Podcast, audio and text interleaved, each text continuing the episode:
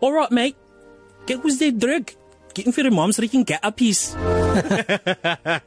Ngishayile Zuki accent. Okay. Ngishayile accent mangithi I'm I'm hearing I'm hearing 12 to 3 cafe with Selbion and Zuki where if your mom's drinking get a piece. ibuye ibuye ibe ibuye ibe nobu Kapstad accent i-accent yalapho Ngiphakiwe ndithaybo why why sekuphinda ungena into ngathi uthethe Afrikaans njewo Sikhuluma noZuki wakamalusi. Sawubona sisi uyaphila? Yaphila buti unjani wena? Siphilile. Khona no Sel Beyonce. Hi Zuki.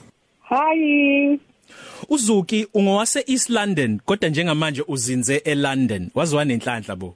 Hey ngicabanga kanjalo nami. yini kubeka eLondon lapha eUnited Kingdom? Uh yes it, it's very strange because yazi ngela xesha abantu bebesuka bethumene opportunity yokusuka from South Africa to to ukuze size abroad. Mhm so that's in October I was still young I'm at 29 at the time. So everything was exciting. Ngifuna explore anything that comes my way. Yeah. Uh, luckily, I was not even a breadwinner ekhaya, but I only had one child at, at the time. So I just wanted to use the opportunity and see the other side. Yeah.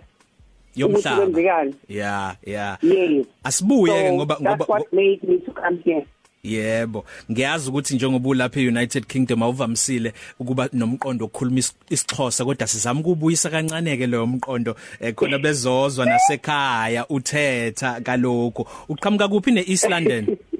Lisuka eKing William Town not eEast London eKing William Town eVillage Okay, all right siswami. Uyafunda lapho, uyasebenza sekube iminyaka emingakanani olapho? Ngiyasebenza ngisebenza ndinesi. Eh ending especially there uh, more than 15 years. Mm. Since 2002 but ngikhe ndagoduka for family problems and then ndahlala 2 years in South Africa then ndaphinda ndabuya ke mm. since 2009 Awusitshele nje ngento eyakuhlaba umxhwele okokuqala mawufika lapho eUnited Kingdom. Mhlasimpe washeshwa wayijwayela ngenxa yokuyithanda noma kwakuthatha isikhathi ngenxa yokuthi hayi ngeke ayijwayeleki lento Ah ufika kwami ngabe nothuswa indlela ekubanda ngayo. And impahla zethu zase South Africa azikho right for iweather yalapha. As a result daya ku charity shop straight away. Mm. and then but as time goes on dayenda dayaqhela iweather yakhona. And because most of the time kuyabanda for, for maybe for about 6 months of the year kuyabanda. So that does adjust ukuthi this is this is what I've chosen and I should get used to it mm, mm. ake sibu manje sikhulume nge nge nge COVID-19 njengoba unesi ngalapho.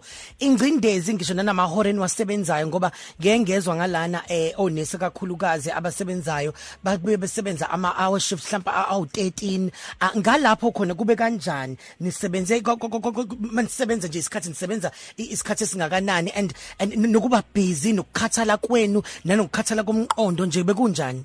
Yazi ah indawo esiphangela kuzo zi different mina nisebenza outside London asikho London yes sisebenza ihours ezi ezinde mm. like normal hours zethu ebusuku mina ngisebenza ebusuku 12 hours abasebenza emini u14 hours and then ube nawo 1 hour 30 minutes break into ejwayele into normal mm. so but if usebenza in kwezindawo kwezindawo zibhizi kakhulu zine covid kakhulu uyanikezwa isikhathi ibreak. Uyahlala 4 hours and then uphinde ungena abanye after 4 hours because ufanele ukhuphe mask you should ufumane umoya o fresh and then ukwazi ukudla uphuza itiya bakuphinde ungena abanye. So awuhlali kula environment all the time but any apha most of the time siyaphuma siye kwi holidays so ayikho i-environment ayikho right ngoku because akuhamba ngendlela esikhali ukwenza ngayo. Abanye abantu abantu balapha belungu every 4 4 months bayaphuma baye holiday baphume babheke kwindawo ezichisayo so I, it's unusual for them ukuthi bona bazohlala bengaphumi. Mm. but abantu they are sacrificing ba bahlala kufutshane nasesibhedlela. If une universities ezifutshane uyayishiya family yakho uyohlala khonapho. Sometimes baya provide an accommodation ezihotele which you don't pay udle khonapho. But everybody is worried about i-covid mm. and it's affecting so many lives. Like i lost one of my friends osuka phe South Africa. Oh nice. so which we had to go and cremate her. Luckily if husband wakhe wayekhona. Mm. so it's a very difficult situation. Eh ngiyacabanga nje futhi ukuthi abanye abakulelizwekazi Afrika makushone isihlobo noma eh umyeni wakhe noma ingane yakhe uthola ukuthi sekunemgomo ezokwenza angakwazi ukuya emncwabeni kuzwela kangakanani lapho njengoba nina ningabasebenzi baseAfrika kodwa nizinze lapho? Hey, hey it's so painful. And unfortunately i know people that it has affected them directly. Mm. and enbaziyo kubhlungu but isimo sakhona sisamkele luckily abanye one of them umyeni wakhe usweleke just as the time they were bavulile ukuthi abantu bahambe. So ukwazile ukuthi ahambe but akakabuyi abanye they just have to face the situation. Ubahlale eswelekele ngumama wakhe or umntana or nguhusband. Yeah. It's just one of those it's painful. Ya nxeseni nxeseni siyanizwela kakhulu kodwa futhi siyanithandazela awusitshele ngomgomo ivaccine.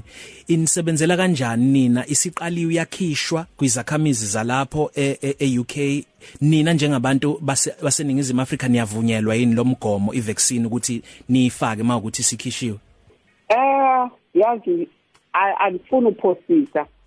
I vaccine is just for everybody. Mm. and the time yavuleleka they bafaka ukuthi ngobani ufana bafumane isiqalo and emsebenzini wakho you get the website.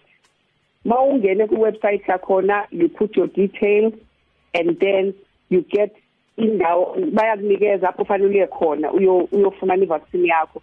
Uyaya khona apho ngexesha lakho linikeziweyo and then everything goes according to plan. Akubuzwa ukuthi usubuyapi umnyama umhlophe wenze njani? But uba kuthiwa uya over 90 or 90 and above and then na ne key workers then you get your website you are given the details of the website and you go according to exactly what they told you. Like i have mine already.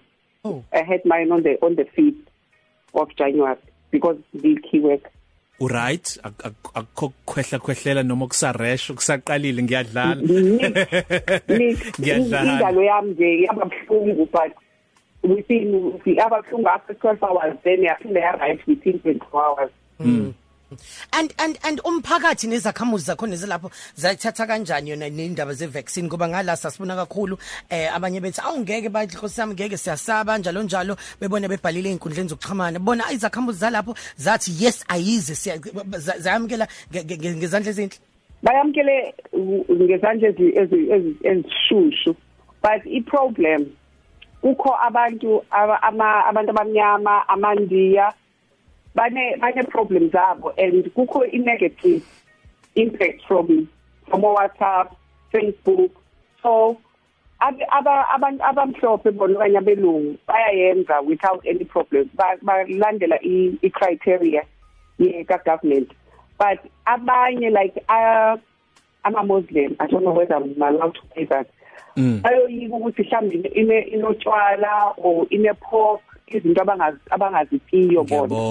So but ba ku celebrities sihlangene like o doctor ne other celebrities ne health workers they've created a video to encourage uh all these people who had the fears that it's fine it's working mabazi nabo. Okanye babonise nase TV abanye abantu be abafana nabo ukuthi baya vaccinate Sibonge kakhulu dadewethu. And health workers yeah. I-affecta bona abantu abamnyama namandiya na? Abantu abaswelekayo it affects them mostly. Siyabonga kakhulu ngokusicacisela nje nokuthi usifundise ukuthi maqondana neze COVID-19 no vaccine khamba kanjani eUnited Kingdom. Sikufisela okuhle kodwa phepha vele uzophepha. Eh bingelela phela ekhaya lapha eKing Williams Town ubatshela ukuthi cha uNkulunkulu ukugcinile uyaphila njengoba ulapha eUK Hey yazi ke you be surprised. Benithathele kwaZulu before. ehe so ah bingelela usibane umahaya sure imamele khona ngoku because ngipelele and then bethushezi ah ugogo mahaye u uma lo sita wami Eastern Cape no brother bam na wonke umuntu ondaziyo ah ayazi ukuthi ngiyaphila ngiright ukhona ku social Thank you media so much. ukhona ku social media kulo ngafisa ukuthi akubingelele abone nezindawo zangala ohlala khona. Ukhona ku social media kulo ngafisa ukukubona mhlawumbe kade kulalele abone Yes. nezindawo zangala o- o- ohlala khona? Eh enguzuki malusi. Zuki ku Malusi. Facebook all yes. right all right. Siyabonga Zuki bye bye siyakuthanda kakhulu. Niphathe Thank kahle you. lapha eLondon. Thank you so much. Bye. 23 Cafe. Namhlanje asifani nezolo. Okusha kodwa